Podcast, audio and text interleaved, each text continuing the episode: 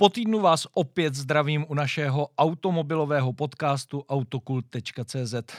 No a ten, kdo nás sleduje, tak si mohl všimnout, že jsem tady opět sám, protože Ondra si dal zase dovolenou, takový home office. Ale nepřijdete o nic, co vždycky v našem podcastu máte, to znamená rychlý přehled automobilových novinek, potom si dáme soutěž, no a pak už na nás bude čekat zajímavý host. Nesmím zapomenout na našeho partnera. Tento měsíc je partnerem automobilový magazín Faster. Je to časopis, který se věnuje především sportovním, zajímavým a luxusním automobilům. No a právě s Fasterem budeme tentokrát i soutěžit. Teď už ale pojďme na to, co se událo v uplynulém týdnu a já tady mám hned několik zajímavých novinek. Začnu Volkswagenem, který se rozhodl, že v budoucnu nahradí modely Up a Polo, tedy ty nejmenší ze své nabídky. No a nahradí je elektrickými ekvivalenty s označením ID1 a ID2. Zatím víme o tom, že v roce 2023 by měl přijít model právě ID2, který nahradí Polo, bude stát na té nové podvozkové platformě MEB a cenově by se měl dostat někde pod hranici půl milionu korun. Hned eh, zhruba za dva nebo tři roky přijde ten eh, ještě menší eh, model ID1, který bude vlastně takovým nástupcem a novou generací elektrického APu. Tady by se cena měla dostat ještě níž a ten dojezd by měl být zhruba 250 km. Takže jak můžeme vidět, počkáme si ještě 3, 4 až 5 let a budeme tady mít konečně elektromobily, které budou dostupné pro většinu evropských zákazníků, i těch našich domácích. Do aut se postupně začínají dostávat zajímavé technologie, které známe například z chytrých telefonů. Automobilka Bentley představila u svého modelu Bentayga schránku před spolujezdcem, které se, která se otvírá otiskem prstu. Vlastně je to unikátní věc, kde si zadáte svůj otisk eh, prstu, jako například u iPhoneu, a díky, a díky tomu budete moci otvírat tuhle eh, schránku. Vlastně smysl toho je, že si tam můžete uložit eh, nějaké cené věci, když odcházíte z auta a nikdo jiný, kromě vás, tu schránku neotevře. Podobnou technologii přináší teďka Hyundai do svých luxusních modelů Genesis a ta technologie je využívána na startování vozu, Eh, tedy místo toho mechanického startovacího tlačítka máte jenom dotykový eh, kolečko, kde otisknete svůj prst a tím nastartujete auto, eh, nebo s ním budete platit tankování či dobíjení elektriky přes CarPay. No a Hyundai jde ještě dál a přinesl další technologii a to je speciální senzor nebo radar, který dokáže monitorovat dech dítěte, které sedí v sedačce, anebo psa, kterého máte v zavazadlovém prostoru. Tahle technologie e, bude zajímavá v tom, že bude moci e, například zapnout klimatizaci, když necháte dítě v autě a bude tam moc velké teplo a Myslím si, že to je velmi dobrá vychytávka pro uh, jakousi bezpečnost a zapomnětlivé lidi. No a těch eh, inovativních technologií bude v budoucnu ještě víc, protože tady máme zajímavý patentový návrh od eh, Toyoty. Mně to trošičku přijde jako sci-fi, ale jde o autonomní systém, který bude umět dotankovat eh, jak benzín, tak elektriku do aut, kterým eh, to palivo vlastně dojde někde na cestě. Eh, Toyota vymyslela takovýhle eh, zajímavý vůz pro ty, které nás poslouchají, tak je to eh, taková podivná kostka na kolech, které má, která má takový výjížděcí systém, který se připojí do vlastně hrdla u tankovací nádrže u auta nebo do dobíjení, do zásuvky dobíjení. A celý ten systém bude fungovat tak, že bude využívat informace z GPS systému. Když vám například dojde palivo, tak pošlete informaci do tohoto systému, tam se objeví, co to je za typ auta, jaký je to model, jaký používá palivo, tedy jestli je to benzín, diesel nebo elektrika. No a tenhle systém vybere eh, to nejbližší autonomní eh, vozidlo, tankovací, které je blízko vás a dá mu tu informaci, co je to za auto a kam má dorazit. No a tohle to samojezdící auto by k vám mělo dorazit a mělo by vám dotankovat eh, jak elektřinu, tak i třeba benzín. Zatím ještě není známo, jestli to bude umět jenom tak, že budete stát někde na místě a to auto přijede a tam vám to dotankuje, nebo jestli to bude umět i za jízdy. Protože ten systém je navržen tak, eh, že má vlastně speciální ruku, která se dokáže eh, dostat k tomu autu a to auto dotankovat. Vlastně to trošičku připomíná tankování letadel ve vzduchu za letu. Zajímavá technologie, uvidíme, kdy se tady objeví. No a e, teď se e, dostaneme k financím. Automobilky totiž přemýšlí, že zavedou nový systém nabídky služeb. Přeci jenom prodeje moc nerostou, v současné době spíše klesají a automobilky řeší, jak ještě dále a na čem všem můžou vydělat. Takže se eh, chystá možnost, že si některé prvky, eh, které budete mít normálně v autech, budete, budete moci eh, zaplatit třeba jenom na nějakou určitou dobu.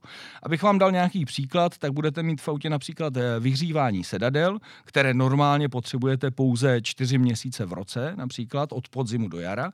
A vy si skrz internet, který dneska už v autě běžně máte, zaplatíte nějakou určitou částku právě na toto období. No a automobilka vám tuhle tu funkci zprovozní, vy ji budete používat a pak se zase zablokuje. Jestli vám to přijde hodně divný, tak nemusí, protože Takovýhle systém už dneska například používá americká Tesla eh, u svých modelů, kde vlastně máte kompletní výbavu v tom autě a ten zákazník si může eh, zaplatit určité funkce, které mu Tesla opět vlastně, nebo Tesla umožní používat. Když to auto zase prodává, tak se ty funkce zruší a nový majitel si může zase zaplatit to, co bude potřebovat. Vlastně to umožňuje i to, že právě, jak už jsem říkal, jsou dneska auta běžně připojená na internet, takže s nástupem těch elektrických vozů je tahle funkce nebo tahle ta možnost v celku logická a mně přijde i sympatická. No a na závěr se znovu vracíme k Toyotě, eh, protože nedávno proběhla českými médii informace, že ministerstvo obrany bude obměňovat svůj vozový park a bude to zakázka v skutku veliká. Ministerstvo obrany v současné době používá UAZy nebo Land Rovery Defender, no a rozhodlo se, že v letech 2021 až 2024 celý ten vozový park vymění. Půjde o tisíc 200 vozů.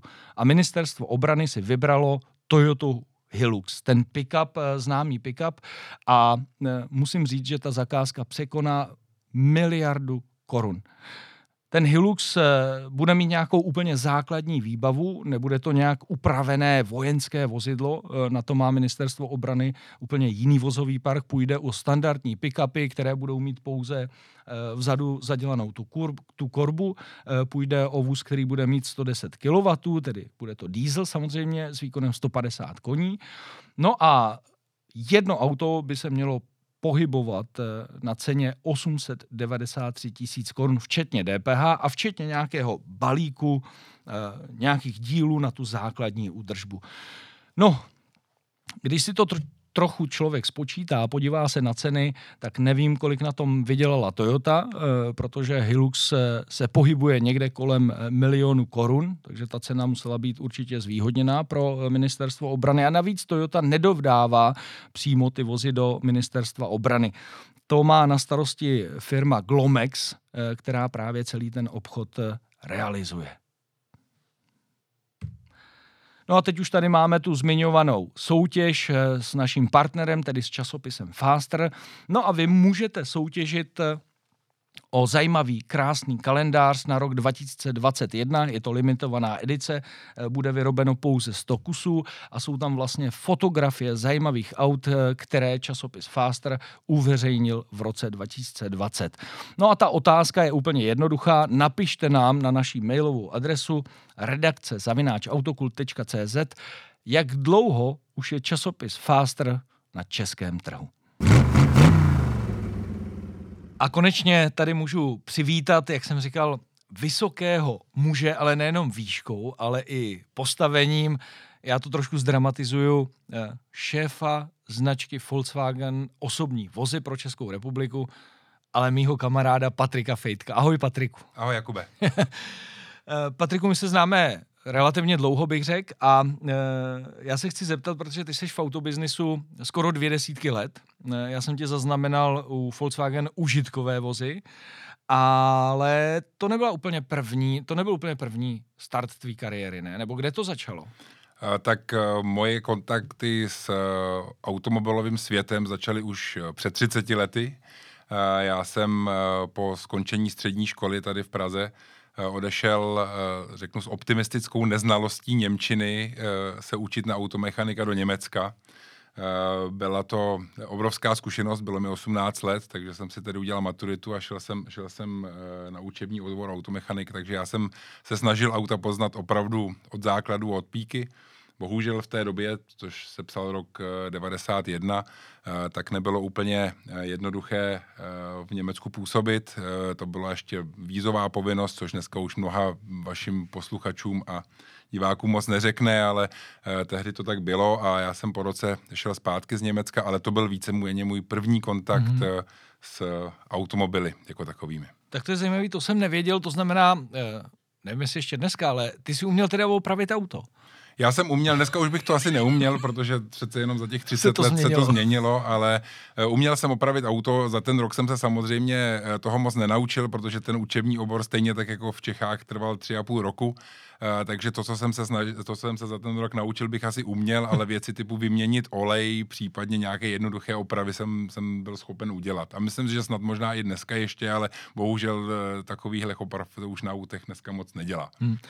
Ty jsi eh, prošel, jak už jsem to říkal, za ty dvě desítky let zajímavý pozice, eh, ale nejenom to, zajímavý i místa a země, k tomu se ještě vrátíme, ale mě by zajímalo, eh, jestli je eh, pro, maže, pro manažera nebo respektive pro tebe Eh, velký rozdíl, jestli vedeš eh, užitkový auta, eh, jestli vedeš osobní auta, jestli seš v Čechách, v Německu, v Americe, kdekoliv na světě. Jestli je to nějaký zásadní rozdíl, nebo prostě jsi manažer, vedeš nějaký lidi a je vlastně úplně jedno, co děláš tak eh, víceméně všechny ty pozice, kterými jsem si prošel, eh, jsou hodně spjaty s koncernem Volkswagen a tam samozřejmě je to vždycky otázka nějakých procesů a ta procesní nastavení jsou hodně podobná. Eh, když se bavíme o tom, jestli je rozdíl řídit značku osobních vozů nebo značku užitkových vozů, tak je to samozřejmě primárně věc cílových skupin mm-hmm. a mhm. zákazníků, ale řeknu to, gro toho obchodu je všude stejné a ať je to opravdu rozdílný produkt, tak i rozdílný trh, přestože každý trh má své svoje specifika, tak fakticky to gro toho obchodu je vždycky Jistý. o tom, co umíme nabídnout a co ten zákazník akceptuje a co si chce koupit. Takže moje zkušenost říká, je to potřeba se trošku přizpůsobit, ale ten základní, řeknu, selský rozum v tom obchodu platí všude stejně. Když to zjednoduším, eh, je to prostě, prostě jako business. Je to business. Je to business. Eh, teď se k tomu dostanu už jsem naznačil, že jsi byl v zahraničí. Eh, víme, že jsi byl v Anglii, eh, byl jsi ve Skandinávii a byl jsi v Číně. To je eh, pro mě hodně rozmanitý rozsah. Každá ta země, bo ty země jsou hodně rozdílný. Můžeš je nějakým způsobem jednotlivě srovnat teď v téhle otázce z pohledu života? Mm-hmm. Tak eh, já jsem ani v Anglii, ani ve Skandinávii nežil. Eh, já jsem tam pouze pracoval, i když samozřejmě tu zkušenost jsem udělal, protože ten kontakt eh, s těmi mými kolegy jsme měli a řešili jsme samozřejmě i jiné než pracovní otázky. Z pohledu mojeho, když se vezmeme ten, ten přístup těch jednotlivých trhů, tak víme, že, že přece jenom třeba lidé ve Velké Británii si udržují odstup od, od lidí z ostatních zemí, takže to tam bylo samozřejmě cítit, byť samozřejmě ty, i ty vztahy byly uh, potom přátelské. Uh, co se týče Skandinávie, tak primárně vede prim Švédsko z pohledu uh, toho life-work balance, protože Eh, samozřejmě tam opravdu hledí na to, aby, aby měli tu svoji soukromou část života striktně oddělenou a aby na ní měli dostatek času. No a Čína to je dost uh, samostatná historie, tam bych mohl vyprávět samozřejmě mnoho věcí, protože jsem tam žil posledních šest let a já myslím, že na tohle, k tomuhle tématu se ještě dostaneme. Nicméně, když to trošku překlopím do té pracovní roviny, tak fakticky, když, to srov, když srovnám tyhle ty tři země, které jsem tady vyjmenovala, to je Švédsko, Velká Británie a Čína, No tak ve Švédsku se končí práce zhruba někde okolo půl páté, v Británii kolem sedmé hodiny a v Číně není úplně neobvyklé, že tam že člověk je v práci ještě v 10-11 večera, někdy přes půlnoc. Takže tak zhruba bych řekl, že se ty země liší. Takže je to vlastně v Číně jako u nás. E, trochu, ano. Protože teď si taky povídáme víceméně po pracovní e, době, době ve většině evropských zemí. Mm-hmm. E, ještě abych to trošku odlehčil, e, platí to, co jsem aspoň v Číně zažil já, teda v Číně, pardon, ve Švédsku, e, že se ve Skandinávii nejlíp a nejvíc paří? Uh, no tak uh, já jsem tam, jak říkám, nežil, to znamená... To znamená, ty jsi to vedl jakoby z České republiky. Já jsem, já jsem měl na starosti tu zemi z České republiky mm-hmm. a staral jsem se tam tehdy o jejich business management, takže uh, žádné velké pařby jsem ve Švédsku nezažil, nicméně říká se to, je to tak a, a asi to bude pravda, ale já osobně jsem za žádné velké párty neúčastnil. Co můžu ale potvrdit, je, že se hodně paří v Číně. Fakt, jo. Určitě. K tomu se ještě dostaneme. Teď bych chtěl ještě od tebe eh, to srovnání z pohledu toho autového biznisu, z toho mm-hmm. trhu. Jaký tam jsou jako zásadní rozdíly mezi Anglií, eh, Skandinávií a tou Čínou? Mm-hmm. Ono to je asi na obsáhlejší po, povídání, ale zkus nějak jako stručně nějaký základní specifika. Dobře, já to zkusím nějak se sumarizovat, byť uh, přece jenom jak v Británii, tak ve Skandinávii jsem působil před těmi 6-8 lety, takže možná ne úplně všechno platí, ale kdybychom se podívali na ten automobilový trh obecně, tak uh, třeba Velká Británie má určitá, řeknu, dvě zásadní specifika.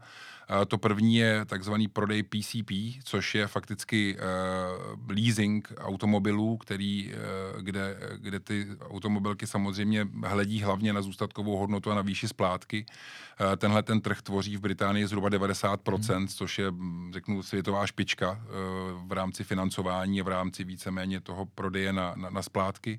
To je jedna část, která je hodně specifická pro Británii, takže tam je opravdu potřeba najít tu, řeknu, hodnotu pro toho zákazníka v té měsíční splátce. To znamená opravdu eh, dobře pracovat se zůstatkovou hodnotou, s tou nabídkou samotnou a tak dále. A, a víceméně se v Británii ani jinak eh, prodej nových vozů nekomunikuje. Mm-hmm. Jo. Druhá řeknu, eh, zajímavá věc na Británii je takzvaný Motability program, mm-hmm. což jsou, řeknu, státem specifikované eh, cílové skupiny, které mají určité výhody a protože jsou tam zatím mm, výhody typu třeba daní a tak dále, tak samozřejmě všechny automobilky se snaží nějakou různou nabídkou tyhle cílové skupiny oslovit a pro zajímavost jedna, která je třeba pro nás neobvyklá, jsou veteráni z války, kteří mají speciální podmínky. Fakt? Přesně tak, je to tak. To znamená, jako mají třeba, jako dokážu, když to převedu do laického toho, to znamená, že třeba jedna skupina jsou mladí řidiči, eh, kteří třeba řídí jenom rok, a potom tyhle ty veteráni, že mají jako lepší cenu třeba. Uh, mají lepší cenu, protože ty automobilky jim uh, nabízejí lepší cenu, ale stát je tím svým způsobem odměňuje, protože oni mají nějaké daňové výhody a jsou mm-hmm. přesně v tom balíku lidí, kteří oficiálně jsou zvýhodněni v tom nákupu toho nového vozu. Jasně. To je docela sympatický, sloužili pro stát, že jo, tak, tak mají lepší podmínky. Eh, co ta Skandinávie? Eh, Skandinávie, eh, zase bych to trošku rozdělil, protože i ta Skandinávie se trochu liší. Samozřejmě je tam extrém, který, řeknu, na který my koukáme z našeho pohledu Eh, jako na, řeknu, věc budoucnosti, eh, což je Norsko, eh, hmm. kde už před těmi lety, když já jsem tam i působil, což je opravdu dneska nějakých 8 let, tak byly zavedeny programy na velkou podporu elektromobility hmm. a alternativních pohonů. Dneska se to pohybuje opravdu v číslech, která jsou pro nás, řeknu, nepředstavitelná, eh, kdy zhruba polovina všech aut jsou čisté elektromobily, mm-hmm. dalších 30% jsou auta s různými uh, hybridními pohony, to znamená plug-in hybridy a tak dále, takže 80% eh, toho trhu dneska je obsluhováno tímhle tím typem vozidel, takže to je opravdu specifikum, já bych řekl celosvětové. Mm-hmm.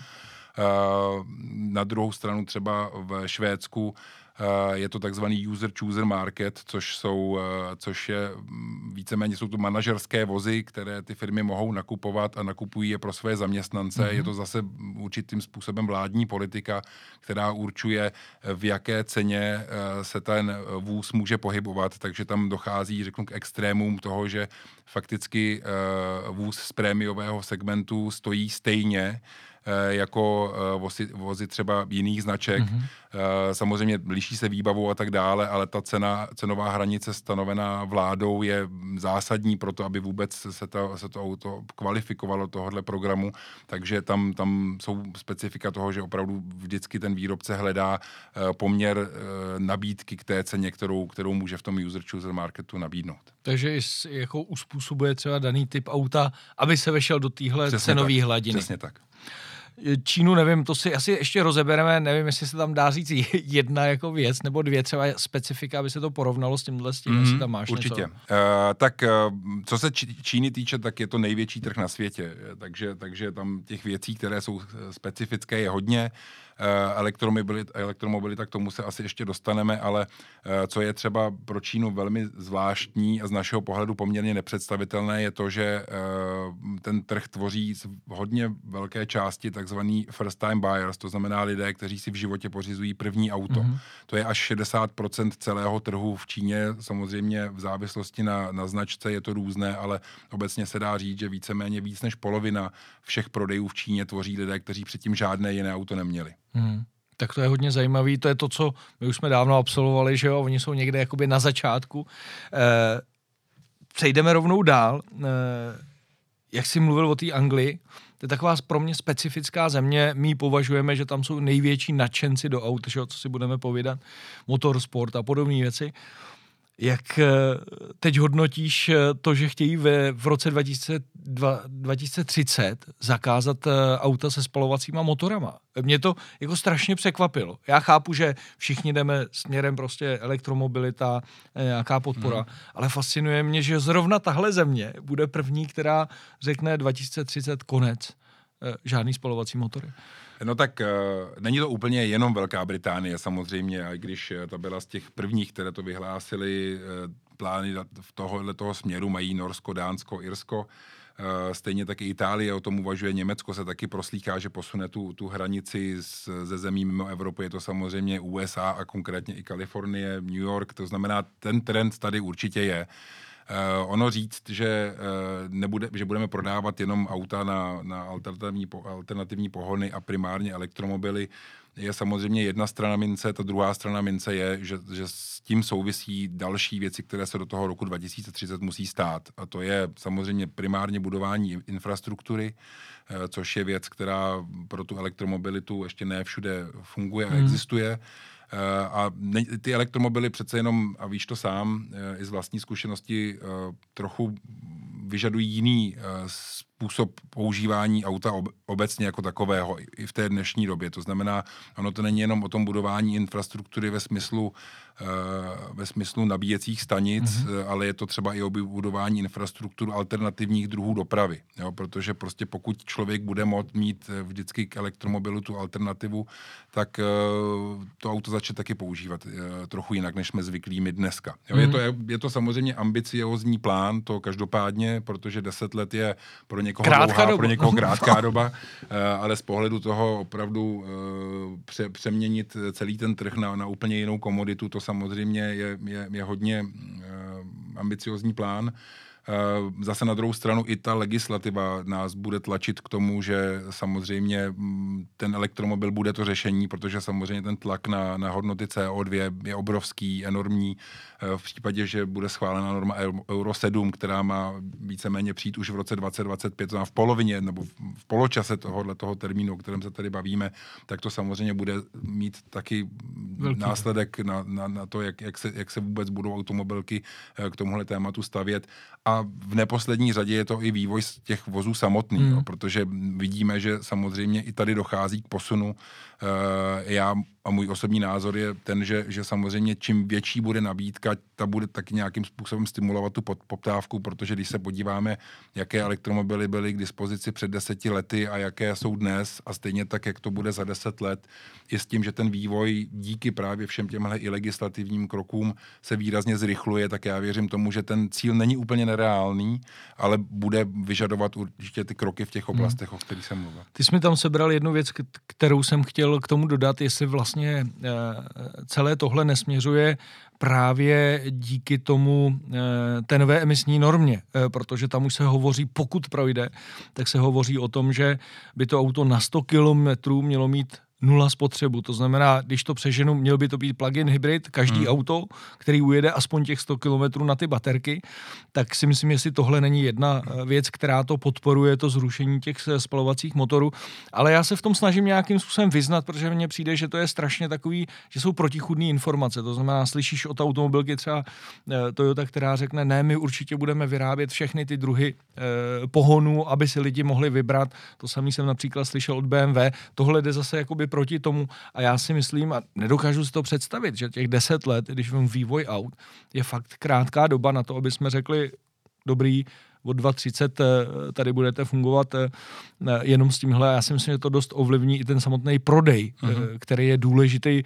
A teď neřeknu pro vás jako pro uh-huh. automobilku nebo pro firmu nějakou soukromou, ale pro celou tu ek- uh-huh. ekonomiku uh-huh. vlastně. Jo. Hmm. Je, to, je to otázka, eh, která samozřejmě tu odpověď teprve hledá. Eh, já jsem mluvil i o, o alternativách, eh, co se mobility lidí obecně týče. Já si myslím, že i ten trh dojde určité změny ve smyslu toho klasického používání hmm. toho auta. Už dneska se tady bavíme o věcech typu car sharing, Eh, car hailing, eh, víceméně auton, autonomní eh, řízení hmm. a tak dále. A to jsou všechno věci, které opravdu mohou doznat v těch deseti letech poměrně významného kroku ku předu a, a díky tomu i, i třeba tohle přisp- pomůže tomu, že, že víceméně v tom roce 2030 hmm. nebude potřeba žádné další uh, varianty a alternativy nabízet k automobilu. To ještě trošku odlehčím, my jsme tak podobně eh, staří, aspoň myslím teda. Eh, jsme schopní mi to zkousnout, protože když mám 10 let, tak mě bude teda 51, to ještě si představuju, že budu řídit. jsme schopní vůbec to jako pojmout, tuhle změnu? Uh, tak já si myslím, že uh, je to opravdu otázka toho, kde, kde bude, není to otázka našeho věku asi, no. jo, tak uh, přece jenom já věřím, že za deset let pořád budeme cílová no. skupina, která bude ráda autem jezdit a která bude ráda i to auto řídit, takže mm, pro nás samozřejmě určitým způsobem je ten, je ten vývoj poměrně překotný, musím říct, ale, ale na druhou stranu třeba v tom porovnání s tou Čínou, kterou jsem dneska zmínil, eh, tím, že tam opravdu existuje obrovská síla lidí, kteří eh, mají své první auto a dnešní mladá generace se chová úplně jinak, hmm. tak já věřím tomu, že třeba tam, pokud za těch deset let roste ještě další generace, tak ti třeba vůbec nebudou mít jako chuť si dělat řidičský průkaz. Hmm. Hmm. Eh, teď zase trošku zpátky eh, k těm normálním autům, eh, jak jsi byl v té Skandinávii, nebo jak jsi řídil tu Skandinávii a ten prodej tam, tak určitě budeš vědět. Liší se tam například prodej typů aut vůči Evropě zbylý, třeba v tom, že si kupují trošku větší, eh, víc čtyřkolek v závislosti na počasí než u nás, i když tady se taky prodává dost čtyřkolek. Ale je to tam ta specifika, specifická skupina zákazníků třeba na hmm. tohle? Určitě. Eh, čtyřkolky jsou, hrají prim eh, víceméně ve všech skandinávských zemích, takže mm, tam, tam samozřejmě Eh, ta, ta poptávka je velká, je výrazně větší než je u nás. Oni samozřejmě mohou používat například i hřebíkové pneumatiky, hmm. že, což třeba je věc, která u nás se nepoužívá, takže tam to, to přizpůsobení tomu počasí rozhodně hraje roli. Ale obecně bych řekl, že ten skandinávský zákazník funguje, řeknu, v trochu v, ve stejném duchu, jako funguje český zákazník. Hmm. To jsou lidé, kteří primárně hledají opravdu jako velmi dobrý eh, poměr eh, to, co za, za tu cenu, kterou za ten vůz zaplatí, dostanou. Takže, takže to není o, ně, o tom, že by ve Skandinávii se prodávaly extrémní hmm. čtyřkolky. extrémní čtyřkolky, ale i extrémní vozy z pohledu výbavy, hmm. z pohledu hmm. motorizací a tak dále. Spíše to o tom najít ten správný střední prout a to, to, to, to co za tu cenu, kterou zaplatím, dostanu. Hmm. Eh, teď už eh, se můžeme eh, přesnout k té Číně, protože přeci jenom tam se bylo posledních šest let. Je to zajímavá země v tuhle chvíli pro všechny, pro automobilky, pro nás. Eh, je pravda, eh, že ta eh, země je tak hodně před náma vlastně, že to udělala tak obrovský vývoj, že jsou opravdu hodně vepředu? Ve všem, jako celkově? No, to je hrozně těžká otázka. Já bych to nerad paušalizoval. Jako samozřejmě ten, ten život tam funguje jinak, než my jsme třeba tady zvyklí. I z pohledu toho, že se obyvatelé hodně soustředí do těch velkých aglomerací, to znamená, jsou tam města, která mají 10 a víc milionů obyvatel a, a je jich tam několik, takže to je pro nás třeba jako nepředstavitelná záležitost, kdy na plochu výrazně méně kilometrů čtverečních, než má náš stát, se náš celý stát vejde. Já jsem žil 6 let v Šanghaji, která konkrétně reprezentuje metropoli o 25 milionech obyvatel, takže je to, je to měřítko je úplně jinde. Eh, a co se týče toho vývoje obecně, samozřejmě ten, ten eh, vývoj tam, tam funguje hrozně rychle, eh, protože oni samozřejmě mají v mnoha technologiích, je to třeba vidět v těch mobilních telefonech, mají ten potenciál se na ty věci podívat tím správným úhlem pohledu a nabídnout tomu, co si třeba ten trh žádá. Investují do mnoha odvětví, tam v tuhle chvíli je státní politika eh, podpořená tím, že víceméně se Čína chce stát a změnit z té výrobní eh, země v zemi, která bude přesně diktovat ty technologie a bude na špici ve vývoji a tak dále. Takže určitě ten, ten, ten trend tam je. Já myslím, že co je třeba taky říct, tak Čína už dneska není vůbec levná země mm-hmm. ve mhm. smyslu jak pracovní síly, tak, tak samozřejmě i nějaké spotřeby. Eh, v Číně se za posledních let, eh, několik let, eh, nebo spíše to už teďka desítek skoro let, ale vygeneroval obrovský vnitřní trh. Ta Čína generuje velkou část HDP ze svého vnitřního trhu, to znamená, je samozřejmě pořád závislá na, na vývozu, ale už ne tolik. zdaleka tolik, hmm. jako tomu bylo v minulosti. Hmm. Já mám dvě takové historky, to jenom k tomu dodám, že jsem byl před lety v Chengdu, za prvý teda tam ta průvodkyně se ptala, kolik obyvatel má naše město. Když jsem jí to řekl, tak e, jí spadla čelist z toho malého množství, hmm. protože to Čendu mělo zrovna 10 milionů obyvatel, což bylo pro mě impozantní. A druhá věc, že s tebou souhlasím, protože jsme tam byli na nějaký inovativní výstavě a když jsem viděl, eh, co tam nabízeli v té době za telefony, hmm. jako jaký technologie, ale i věci, že tam byl telefon, který přejížděli bagrem a on to všechno vydržel, tak jsem byl úplně z toho hmm. uvytržení, co to dokázal, eh, dokázalo všechno a to samý v Šangaji, kde jsem byl v loňském roce. Člověk si tam otevře trošičku uh, oči. Teď ale bych chtěl se dostat k té elektromobilitě, protože když jsme byli a tam jsme se potkali na autosalonu v Šangaj v loňském roce, tak ten byl plný elektromobility. Tam bylo spoustu modelů, hmm. neskutečný výběr, a když jsem viděl auta s pěti displeji vevnitř a tak dále, tak dále. Nicméně na těch ulicích uh, jsme viděli spíš pomálo, uh, pomálu elektromobilů, nějaký Tesly, nějaký jejich značky, ale bylo to jako menší množství. Eh, jaká je vlastně eh, současná realita té elektromobility mm-hmm. tam v Číně? Uh, no tak obecně Čína elektromobilitu velmi podporuje. Zase je to opět situace, která je daná politikou státu a je, to jedno, z, řeknu, ze zadání pro automobilový průmysl stát se jedničkou v elektromobilitě, protože Eh, ten pocit v Číně je takový, že samozřejmě v momentě, kdy se Čína začala mobilizovat a, a přišly tam západní značky a začaly zakládat uh, svoje joint venture, plus začaly samozřejmě vznikat čínské automobilky, tak uh, ten, uh, ten náskok z pohledu, z pohledu vývoje, z pohledu technologií, Čína řekla, že fakticky asi nikdy nedožene. Hmm. Na druhou stranu vidí uh, tu šanci v těch elektromobilech, protože tam víceméně se ten trh teprve tvoří a vzniká a tam ta šance je, že samozřejmě tu uh, mohou zaujmout zaujmout tu, tu jednu z prvních příček, ne tu první úplně. Eh, je to samozřejmě otázka, protože pro nás je to pořád eh, ještě trošku tady v Čechách neznámá.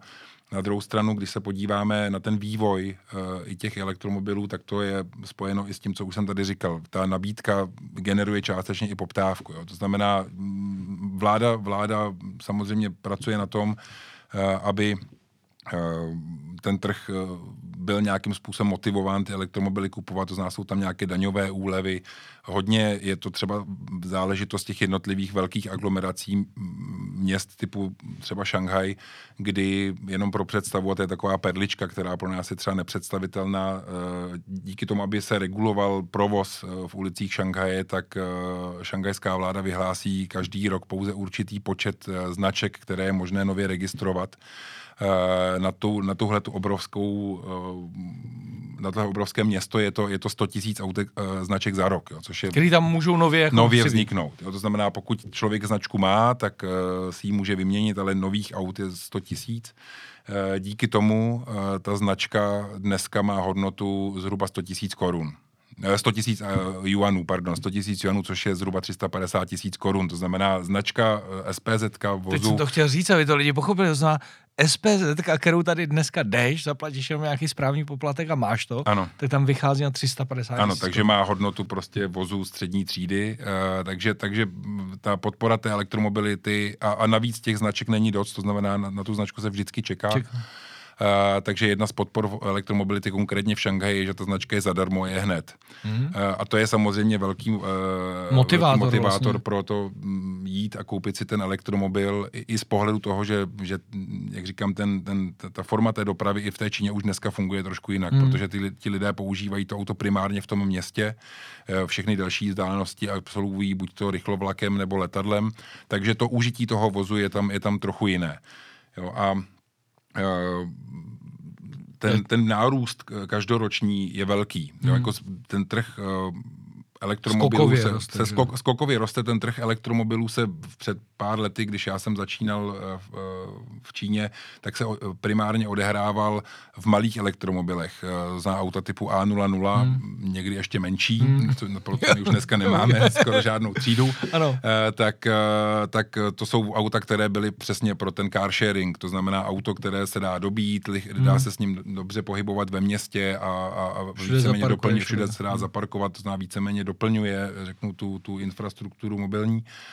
Na druhou stranu dneska s přibývající nabídkou, ať už eh, vozidel lokální produkce, nebo třeba Tesly, která dneska už taky je fakticky lokální hmm. značkou, mm. protože vyrábí v Šanghaji, tak, eh, tak ten trh se zvedá a i se přesouvá směrem k těm, k těm dražším vozům a opravdu vozům, které ty lidi používají v tom každodenním životě. Jo, takže je tam určitě, ten skok tam je.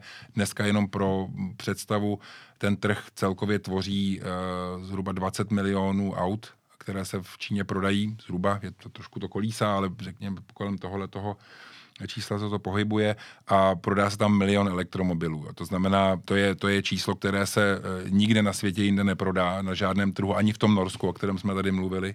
E, a to dává samozřejmě i velkou příležitost e, k tomu se tu elektromobilitu rychle naučit protože ty, i ty lokální značky, ale samozřejmě i ty značky, které tam fungují v tom joint venture partnerství a ty značky, které přišly uh, ze západní a korejské a tak dále, jako provenience, tak mají možnost se na tom trhu v té Číně učit, protože prostě tam to množství těch aut je veliké, prostě. To mi dává potom i smysl v tom, že samozřejmě takovýhle množství, který je absolutně jiný než v celé Evropě, když to vezmeme, tak ti i potom jako může zlevňovat tu výrobu. Takže chápu už ten smysl, proč prostě tam všichni chtějí mít a, a vyrábět eh, elektrické auta a prodávat je tam. E, já ještě musím reagovat na to, jak jsi říkal, že to použijí hlavně ve městě.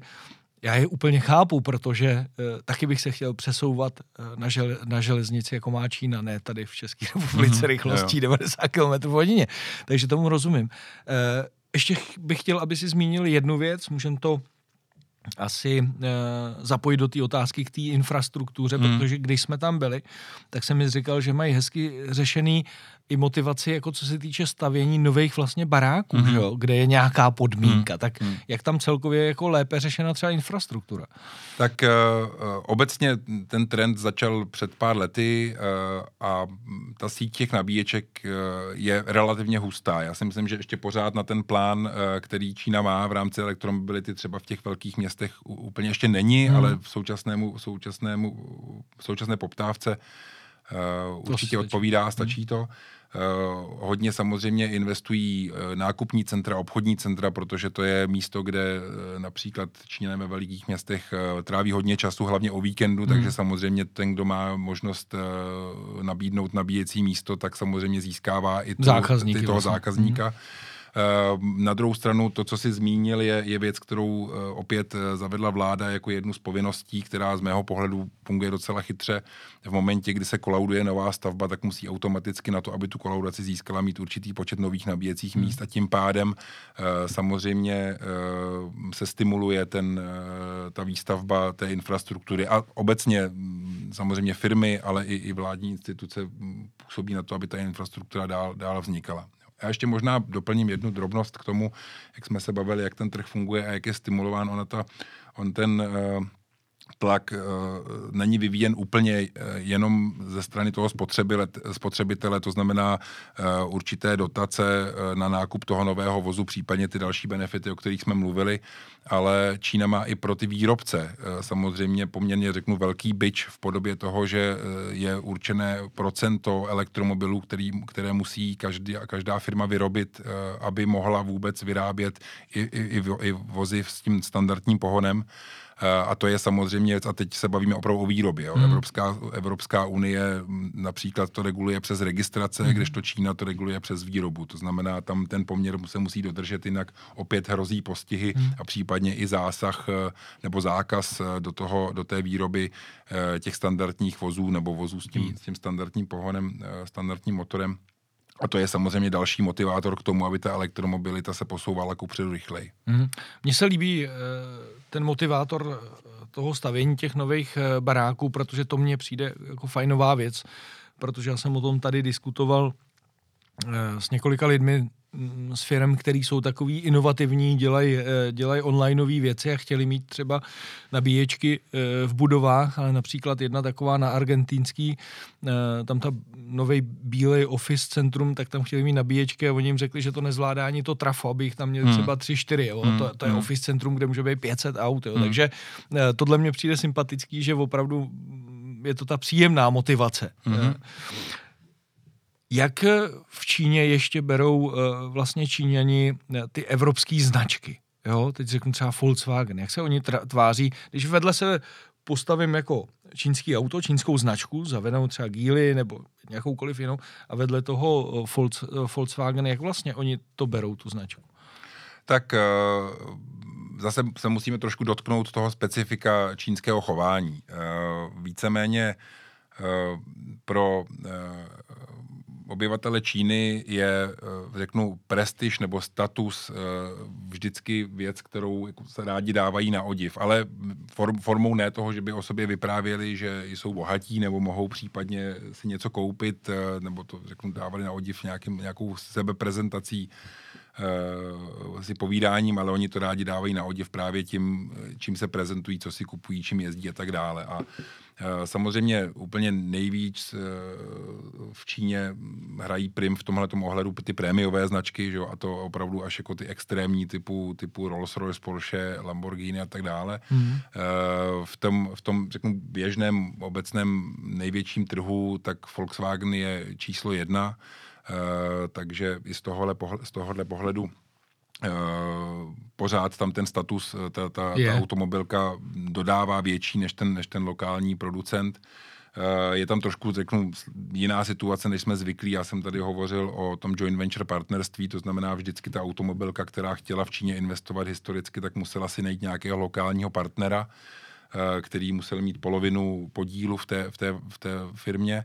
A Volkswagen tam má tyto joint venture dva. Takže, hmm. takže v Číně existují dva Volkswageny, které Aha. mají stejné logo, ale trochu jiné produkty a Aha. mají vlastní dílerskou síť, takže, takže díky tomu ta síla té značky, jako značky Volkswagen je velká, hmm. a, ale podílejí si na ní vlastně, vlastně dvě firmy. Ale pořád ten status, eh, ten, eh, ten vůz eh, té provenience, ať už Zav. dovezený nebo, nebo, nebo vyráběný ve, ve spolupráci s tím čínským partnerem je vyšší. A i když musím říct, že za poslední dobu se i tady trochu ta, ta, ta ta přesně to chování toho spotřebitele mění, protože mm, je potřeba si říct, že opravdu i, i za tu dobu, co já jsem byl v Číně za těch šest let, když porovnám to, co jsem viděl na autosalonu před šesti lety a to, co jsem tam viděl například letos, hmm. je zcela nesrovnatelné. Jako tam opravdu ten skok je o, o generace za hmm. tu dobu.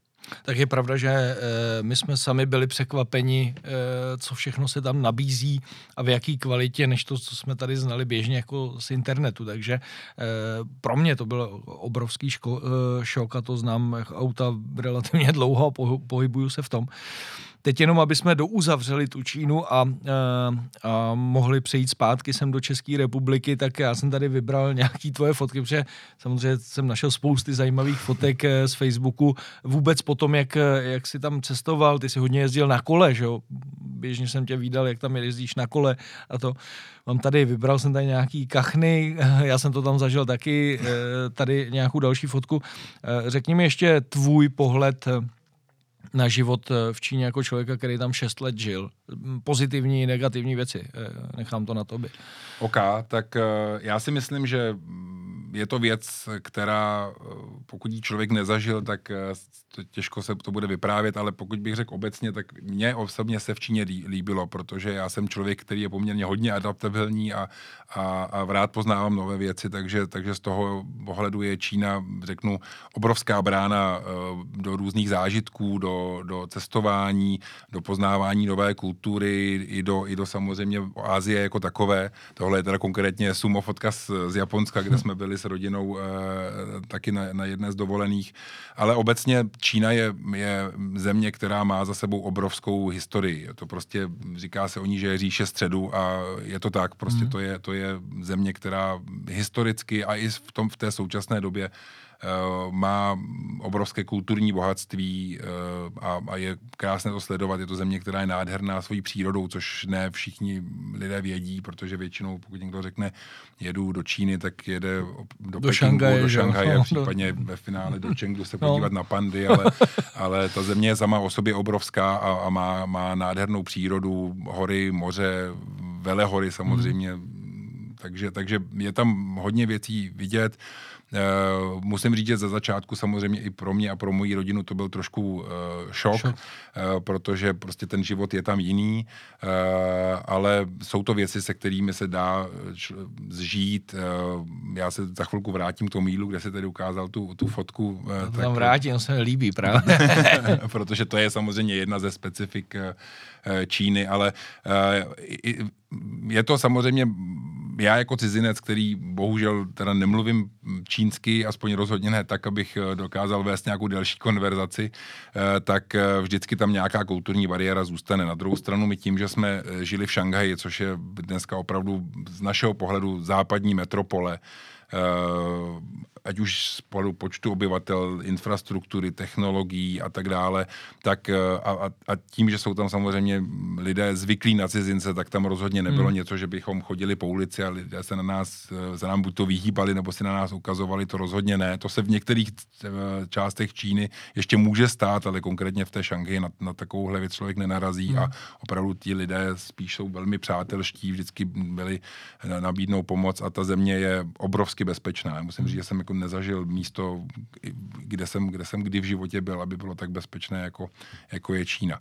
No a jídlo to je samostatná kapitola, to bych mohl vyprávět tady opravdu hodiny, hodiny a hodiny uh, a je to jedna z věcí, která mě třeba tady eh, chybí i eh, momentálně, protože máme bohužel dobu, dobu s covidem a mm. restaurace jsou zavřené, takže není úplně jednoduché se dneska sebrat a jít třeba i do čínské restaurace tady v Praze, kterých tady taky několik máme eh, a, a věci, které jsem v Číně ochutnal, jsou, jsou věci, které jsou zajímavé. Nebyly to žádné exotické věci typu, že bych někdy jet nějaký larvy něčeho a tak dále, ale, ale samozřejmě ta, ta kuchyně je hrozně rozmanitá, a není to jenom Čína, tak jak si mnoho lidí dokáže představit, že to je prostě maso s sladkokyselou omáčkou a s burákama, ale ta, ta, ta, ta kuchyně je obrovsky pestrá, je tam základních sedm, sedm druhů kuchyní a, a, a každá má něco od, od eh, sečuánské ostré přes eh, třeba kuchyň, která je šangajská, která je sladká, používá hodně mořské plody, eh, hotpoty v Pekingu a tak dále. Jsou to prostě, mm, je to obrovské spektrum chutí a, a hrozně zajímavých variací na jídlo.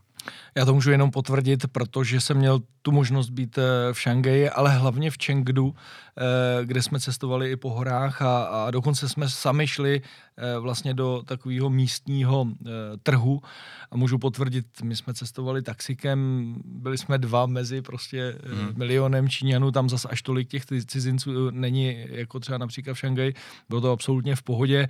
A i tam mě překvapilo, i v tom Chengdu byli lidi velmi jako pozorní, a jedinou věc jsem si musel dávat pozor, to jsem zjistil, mít sebou kartičku z hotelu, kde je anglický i čínský nápis, protože bez toho se to blbě jako, když ti ujede třeba nějakám taxík a potřebuješ se někam dostat, tak byl problém. Ale souhlasím s tím, strašně zajímavá hmm.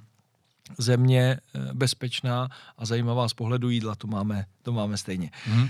Tak teď už pojďme do České republiky, která nás samozřejmě zajímá. Eh, ty se stal pro tebe Eh, ty se stal vlastně novým šéfem značky Volkswagen.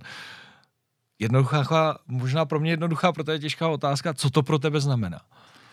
Eh, tak pro mě je to svým způsobem, řeknu, splněný sen, eh, protože samozřejmě eh, mít na starost a vést značku Volkswagen na trhu v České republice je věc, která samozřejmě je hrozně důležitá pro mě, protože, jak říkám, v tom koncernu jsem si už lecos prošel a, a mít tu jednu z nejdůležitějších světových značek uh, u nás uh, na starosti je prostě opravdu splněný sen. Je to, je to věc, která samozřejmě na jednu stranu je skvělá, protože ta, zna, ta značka sama o sobě má vynikající produkty, portfolio, má za sebou tady skvělý tým. Mm Eh, na druhou stranu je to samozřejmě zavazující, protože prostě to, co, to, co my tady uděláme, na čem se dohodneme a co tady budeme chtít realizovat, se samozřejmě odrazí i na tom obchodním výsledku. Takže na jednu stranu skvěle hřejivý pocit, na druhou stranu trošku svazující pocit eh, v tom závazku, protože prostě značka Volkswagen je fenomén a já to tak beru si částečně odpověděl na tu další otázku, ale eh, když vím, že jsi byl v té Číně, není to trošku jako krok zpět, že se zvrátil do Čech, nebo, nebo to tak nevidíš? Já to tak nevidím. Já jsem eh, vždycky měl tu Čínu jako, eh, řeknu,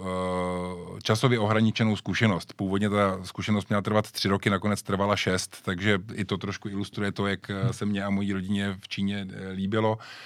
Ale je to, je, já jsem se vždycky chtěl vrátit zpátky do Čech, protože je to moje rodná mm-hmm. země a mm, to, že že jsem dostal tu nabídku ve značku Volkswagen tady je opravdu věc, kterou eh, bych možná si třeba před těmi šesti lety ani eh, ve snu nepředstavoval a dneska je to realita, já jsem za to strašně rád.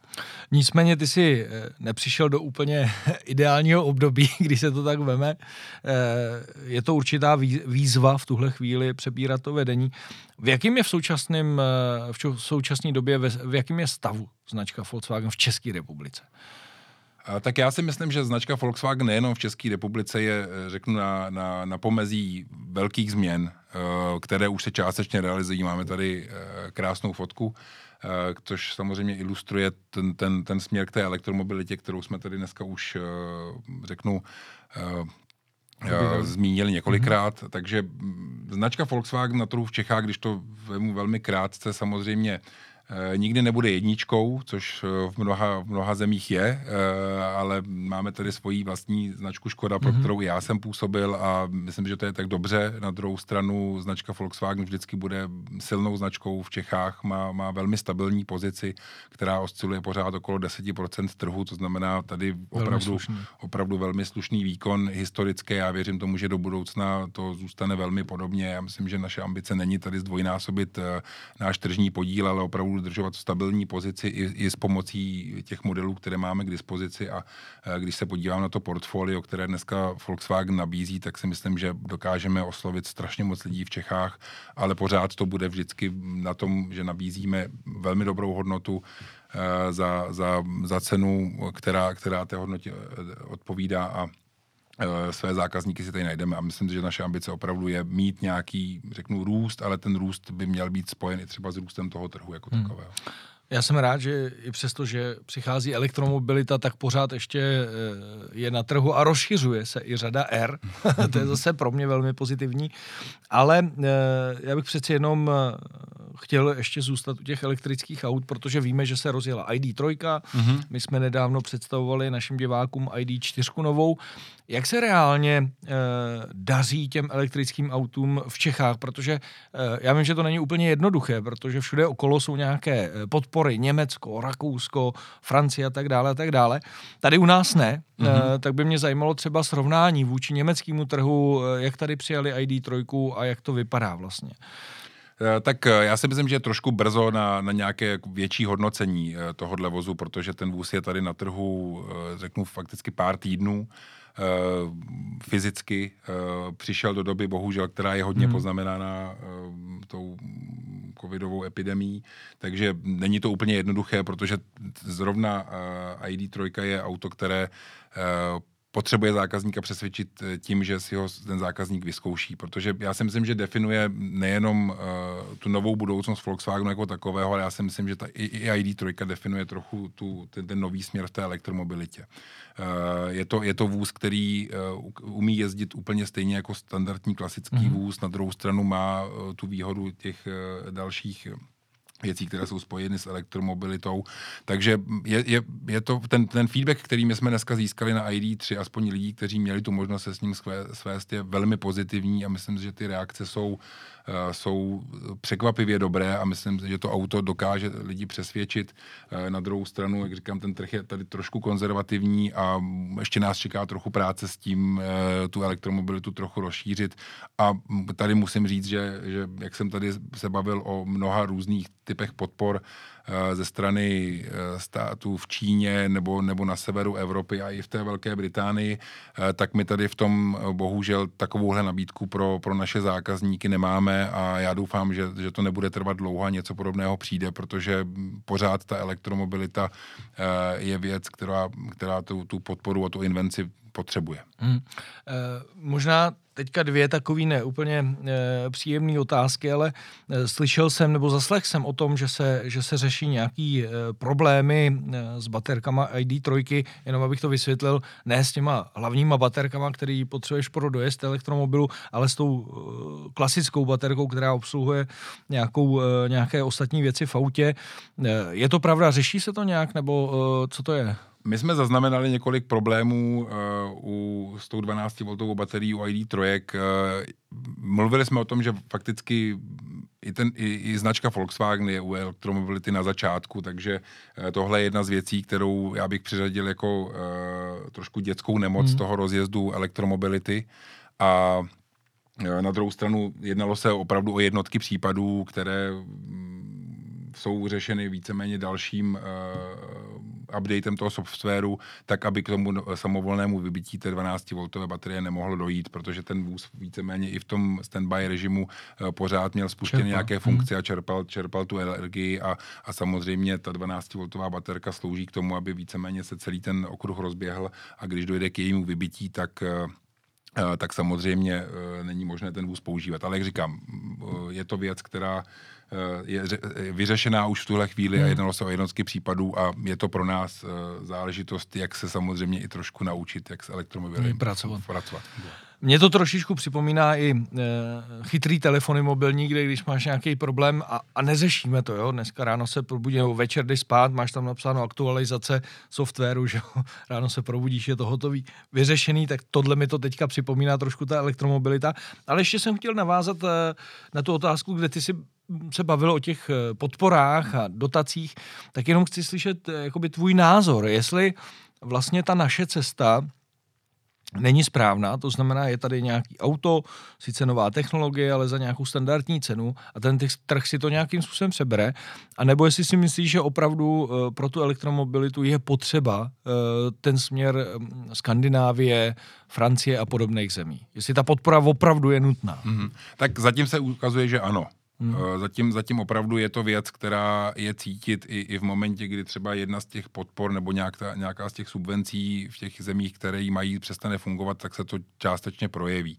Eh, je to o tom, že Samozřejmě dneska elektromobil není úplně levná záležitost eh, a je potřeba tu jeho cenu, pokud srovnáme cenu standardního uh, vozu a elektromobilu, uh, tak samozřejmě tam rozdíl, rozdíl určitě je uh, a tenhle ten rozdíl právě třeba srovnávají v těch zemích ty, ty státní subvence a ty státní dotace.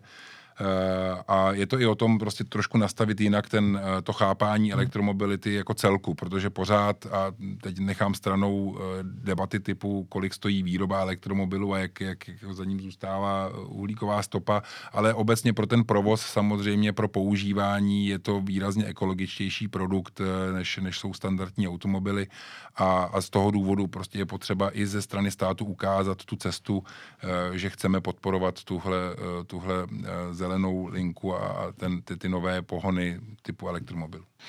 Za mě to ještě kromě, eh, kromě nějakého eh, zeleného použití a jednoduššího použití ještě navíc jako levnější potom, když to dopočítáš. Ten provoz teda. Mm. Mně tam chybí, a to už není dotaz na tebe, já jenom uh, spíš konstatuju a doplňuju to, co ty si říkal, že uh, mi přijde, že se strašně málo a minimálně u nás o tom mluví. Uh, teď mluví jako všeobecně, jo, protože já tam strašně vidím, jak klasicky prostě v české politice rozdělování společnosti, že tady jsou lidi, kteří nesnáší elektromobily, lidi, kteří je mají rádi a my, jakože je to naše práce, tak už jsem zaznamenal, že nám lidi nadávají, když mm-hmm. testujeme elektromobily. Já říkám, to je moje práce, já si to musím vyzkoušet. A chybí mi tady jakoby nějaká instituce, nevím osvěta. kdo, osvěta, no, hmm. aby ty lidi se, protože to je, to je obava, za mě je to jako obava, že hmm. proč se rozdělí a někdo to nemá rád, většinou to jsou lidi, kteří se v životě nevyzkoušeli, hmm. tak tohle mi jenom chybí, aby tady běžela eh, větší osvěta, aby ty lidi věděli, o čem to je, protože mě překvapilo teďka u té ID4, že vlastně Volkswagen nabízí, a to už mi potom dává smysl, že nabízí možnost si koupit čistou energii, jo, Samozřejmě tam nám to nějaký lidi hejtovali, ale to prej tady funguje, že tady je firma, která vykupuje energii, která je jenom z obnovitelných hmm. zdrojů a ty, když jsi člověk, který opravdu chce žít hmm. tě, jakoby čistě a ekologicky, tak si tohle to zaplatíš, dobře, je to o 15% dražší, proč ne, protože ta výroba je dražší, ale to mi přijde dobrý. Hmm. A stejně tak to, že ten závod vlastně kde se dělá ID3 a bude se dělat ID4, že se snaží ta automobilka vlastně eh, kompenzovat eh, to CO2 při té výrobě právě tím, že vysadí stromy a má používá solární panely na střeše a tak dále.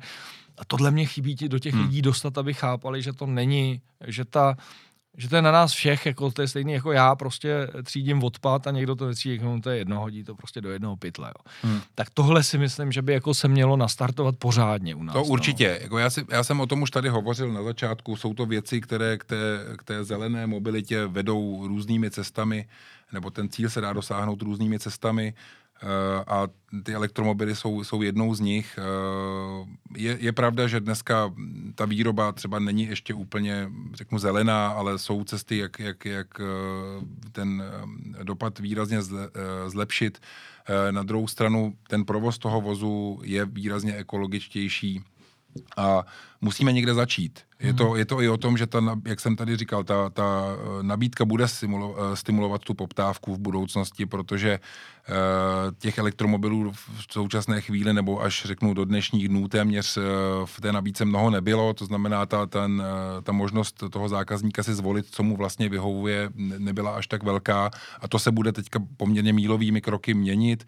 Uh, současně, s tím, současně s tím i s počtem vyráběných elektromobilů věřím, že dojde i ke změně eh, ceny těch jednotlivých eh, komponent, to znamená i ta cena pravděpodobně do budoucna se bude snižovat, a, a, a, ale prostě musíme někde začít. Jo, pokud budeme čekat na to, až bude elektromobil stát stejně jako přesně, tak, tak, se, tak se asi nedočkáme. Takže i z tohohle pohledu je potřeba i ta pomoc třeba toho státu ukázat opravdu, že tudy ta cesta vede a tu pomoc poskytnout. Hmm.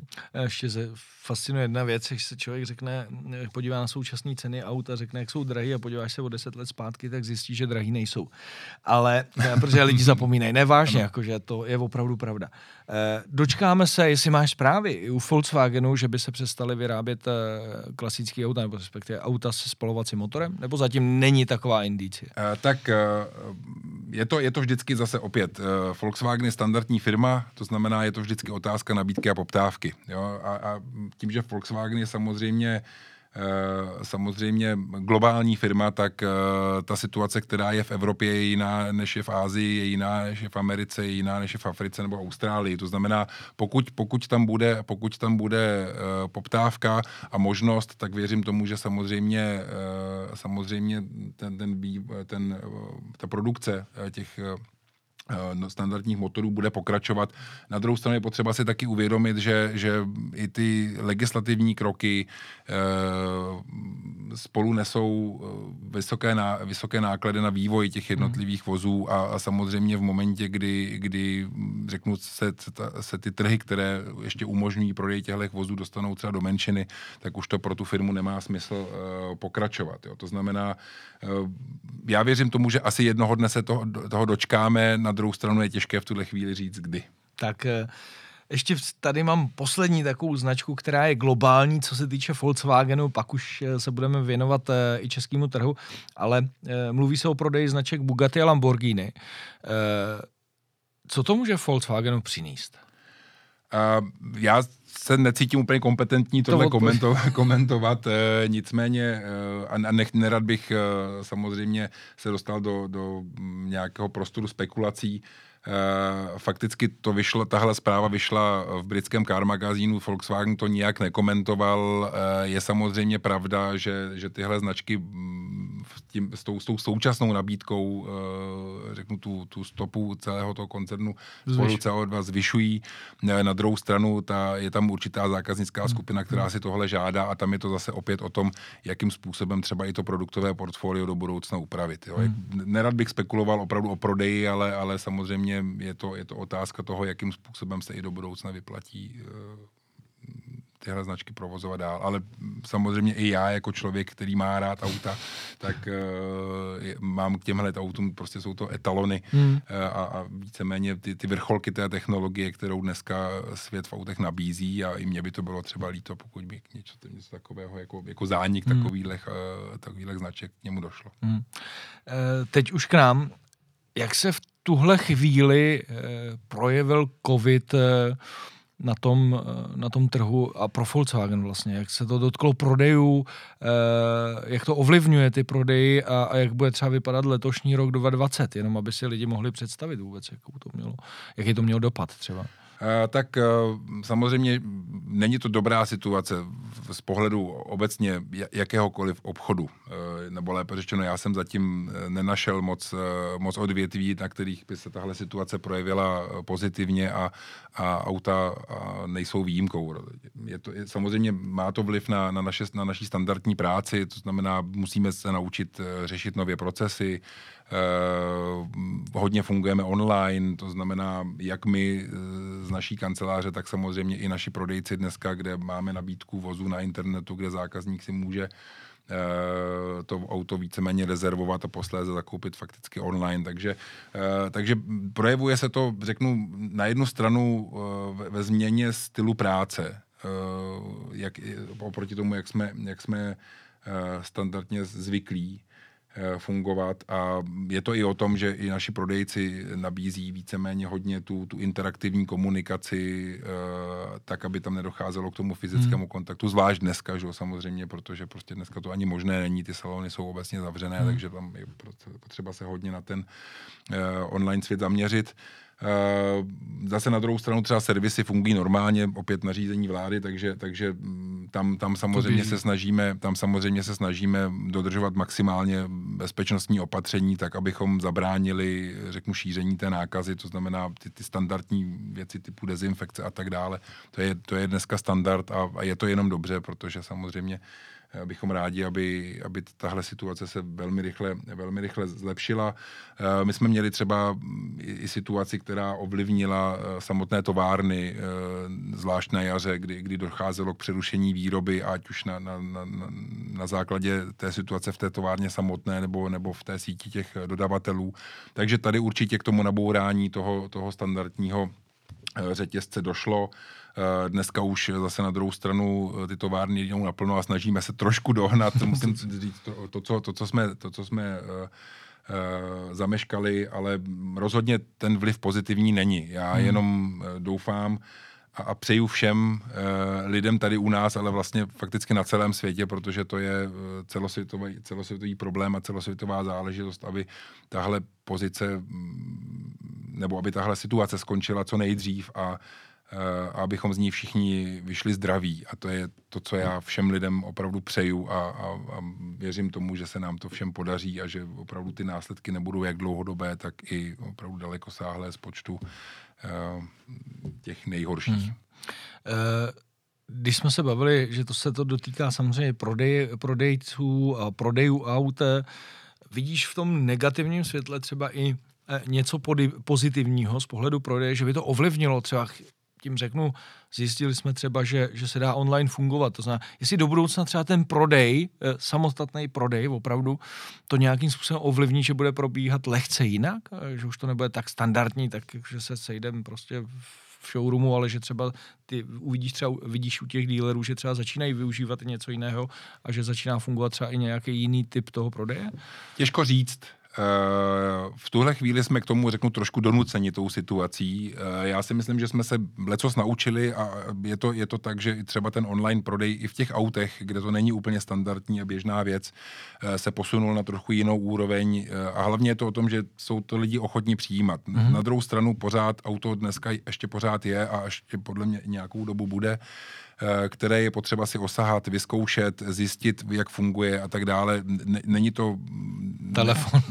Například telefon, i když i třeba i ten telefon jako nemusí být úplně jako jednoduchá záležitost, ale auto je pořád dlouhodobá investice a, a tam je potřeba to rozhodnutí učinit opravdu zodpovědně a tam v tomhle pohledu je ta, je ta uh, role dílerské sítě, komunikace s dílerem pořád ještě nezastupitelná. Hmm. Uh, když ještě se budeme točit kolem těch elektrických aut, tak nemyslíš si, že ty elektrické auta, když vemu, jak jsou koncipovaný, že by mohli víc k tomu, že budou třeba končit dílery, díleři, protože to vemu, tak ta platforma je jednoduchá, máš nějaký baterky, můžeš si vybrat mezi pohonem zadní nápravy nebo všech čtyř kol, máš tam dva elektromobily, elektromotory nebo jeden, víceméně platforma M, MEB, na tom je postavená ID3, ID4 a mně přijde, že už by tohle Eh, šlo eh, prodávat právě přes, inten, eh, přes internet, že to je víceméně hlavně o designu, že ta technika bude přeci jenom trošičku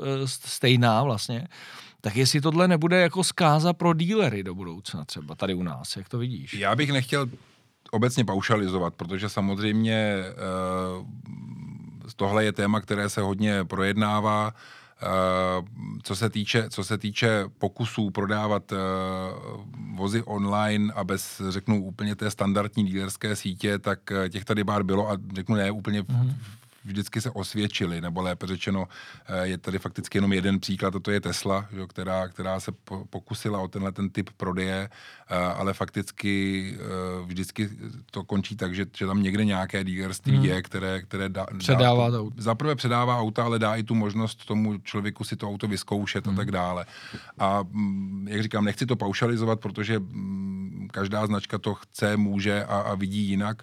Eh, za nás u Volkswagenu je, jsou prostě naši díleři ten, ten hlavní kanál, přes, se kterým budeme fungovat, protože pořád jejich role je nezastupitelná, hmm. ať už z pohledu toho profesionálního přístupu, nabídnutí toho poradenství, servisu a tak dále. To jsou všecko, všecko věci, které, které prostě bez dílerské sítě nelze, nelze zrealizovat hmm. a, a, a i lidé na to nejsou připraveni, aby si šli koupit auto na klik, že? to tak je, nebo teď jsem zrovna zmínil auto na klik, což tady je zrovna věc, kterou jsem tuhle objevil, ale, ale podle mě to pořád ještě tak nefunguje a hmm. fungovat nebude a my, my u Volkswagenu prostě na, na, na, na, na roli dílerské sítě hodně sázíme, protože opravdu ten, ten, ta, ta profesionalita tam je a to, to bohužel dneska žádný sebe lepší počítač hmm. nebo telefon zatím nabídnout neumí. A myslím, že jen tak umět nebude. Nebude. Eh, jednu otázku musím, pokládám vždycky v tomhle eh, směru, co eh, z té nabídky Volkswagenu eh, používáš jako služební auto? Já mám uh, Volkswagen Passat uh, Airline variant, krásný vůz ve podobné barvě, tak jako ho máme tady na obrázku.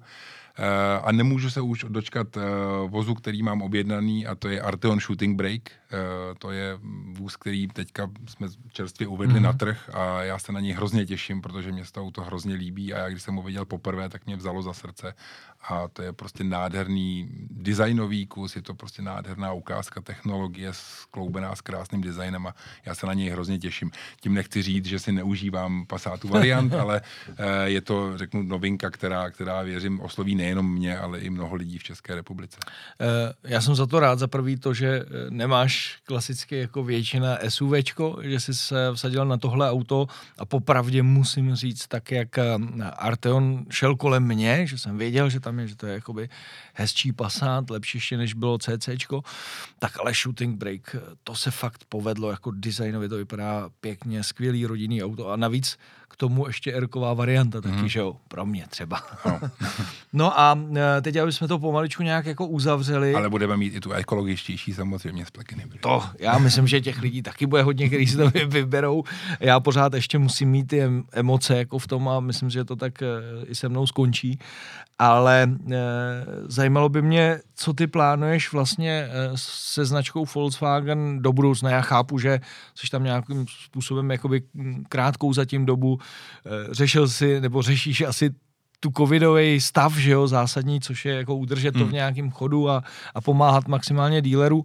Ale jestli máš nějakou jako vizi, eh, kterou by si chtěl se značkou eh, Volkswagen vlastně eh, dělat nějaký cíl, nebo aspoň já to tak vždycky mám, že nějaký cíl vepředu nebo vzad, někde vzadu jako je, vždycky jako zatím si jdu. Tak jestli máš něco takového? Já, já samozřejmě mám, nicméně uh vývoj, vývoj značky Volkswagen v České republice eh, nezáleží na mě. Je to hmm. vždycky práce toho týmu, jak už eh, mého týmu v značce Volkswagen osobní vozy, eh, tak i samozřejmě toho týmu dealerů, toho týmu i, i v továrně, to znamená, vždycky je to nějaká spolupráce. Já pro sebe se hrozně těším na tu, na tu změnu, kterou doufám budu mít uh, šanci uh, tady realizovat i, i směrem k té elektromobilitě, protože prostě to uvádění těchto nových uh, modelů je prostě věc, která bude, řeknu, narážet na, na, na určitý odpor, protože jak jsme tady zmínili už v těch předchozích odpovědích nebo v té předchozí diskuzi, tak Eh, je to věc, která ne úplně vždycky je vnímána pozitivně eh, a, a pro mě to je opravdu věc, kterou, ve které já tu budoucnost vidím a hrozně ji fandím, takže se na to strašně těším a jsem hrozně rád, že značka Volkswagen, eh, i když přinesla víceméně teďka, řeknu, ten první nový, já to řeknu, opravdický elektromobil, protože samozřejmě Volkswagen v nabídce elektromobily měl už dříve, ale dneska víceméně přichází na trh ten produkt, který je, řeknu, od začátku konstruován jako elektromobil. Eh, tak eh, že jsme, že jsme víceméně jedna z prvních značek, která na ten trh přichází. Máme tady první auto, budou pokračovat další, ty si to zmiňoval i v úvodu tohohle pořadu a, a fakticky já v tom vidím opravdu ten, ten impuls k tomu, že eh, se nám to povede společně i, i trošku změnit to vnímání elektromobilů u lidí v České republice a že Volkswagen bude u toho. Tak já doufám, že se ti to teda taky splní. Ještě možná mě napadla v průběhu té tvý odpovědi poslední otázka, eh, protože už si prošel nějaký ty země, dělal si ten prodej. Eh, dokážeš říct, jakým způsobem ovlivňuje tu úspěšnost prodeje dobrý produkt teď, eh, myslím, i z pohledu designu, jakože se to lidem líbí. Má to dneska, protože já to vidím jako, že to je zásadní věc dneska, aby si fakt udělal hezký auto, který zaujme ty lidi. Mm-hmm. Tak uh, známá pravda obal prodává tak eh, to asi platí trochu i o autech, byť je to vždycky eh, subjektivní záležitost, jestli se někomu něco líbí nebo nelíbí, to rozhodně. Eh, na druhou stranu ten design je věc, která se vyvíjí a která definuje ten produkt vždycky, takže pokud, řeknu se, designéři trefí do toho trošku obecnějšího vkusu, tak to vždycky tomu produktu pomůže a mm, jak se tady říkal zrovna třeba Arteon Shooting Brake je toho krásným příkladem, protože já jsem nepotkal nikoho, kdo by řekl, to je auto, který se mi nelíbí. Eh, a, a i, i, řeknu to vnímání třeba těch eh, ID modelů je věc, která oslovuje hodně třeba mladé lidi, hmm. protože prostě je to úplně jinak pojatý model auta, je to úplně jak pojatý design, je to opravdu vidět, že, že, že tam uh, ti konstruktéři a, a designéři si, si s tím hráli trochu jinak, než jsme třeba úplně standardně zvyklí, takže určitě to, určitě to je jedna z, věc, které, z věcí, která Eh, slouží k tomu, aby eh, to rozhodnutí bylo jednodušší, když to řeknu, eh, v té, v té emocionální rovině, ale vždycky pořád zákazníci v Čechách jsou trošku konzervativní a vždycky vyžadují nějaký ten dobrý poměr toho, aby ta cena odpovídala tomu, co, co, co za to za ní dostanu. Uh, takže, takže tam na to musíme dbát taky, ale design obecně si myslím, že máme dobrý a je to věc, která pomůže i tomu úspěchu a pomáhá tomu úspěchu té značky. Super, eh, Patriku, já děkuju, že jsi našel čas eh, teďka v té nabitý době, který máš a přišel si k nám do, eh, do našeho podcastu a já, mm, jako známe se dlouho, takže nemůžu to zakončit jinak, než že ti přeju, aby ta tvoje cesta ve Volkswagenu Česká republika byla, byla jenom úspěšná. Já moc děkuju, já jsem byl tady strašně rád, uh, hrozně mě to potěšilo, je to opravdu těsně po návratu z Číny, takže já jsem hrozně rád, že jsme si tady mohli spolu takhle popovídat a že jsem mohl třeba i uh, přispět trošku k tomu, uh, aby se vaši posluchači a diváci podívali pod tu oponu, kde já jsem působil. A já musím říct, že v tuhle chvíli mi nezbývá než popřát všem opravdu pevné nervy, nervy a hodně zdraví. A děkuji moc. Tak eh, děkuji taky a někdy příště na viděnou a neslyšenou. Mějte se krásně.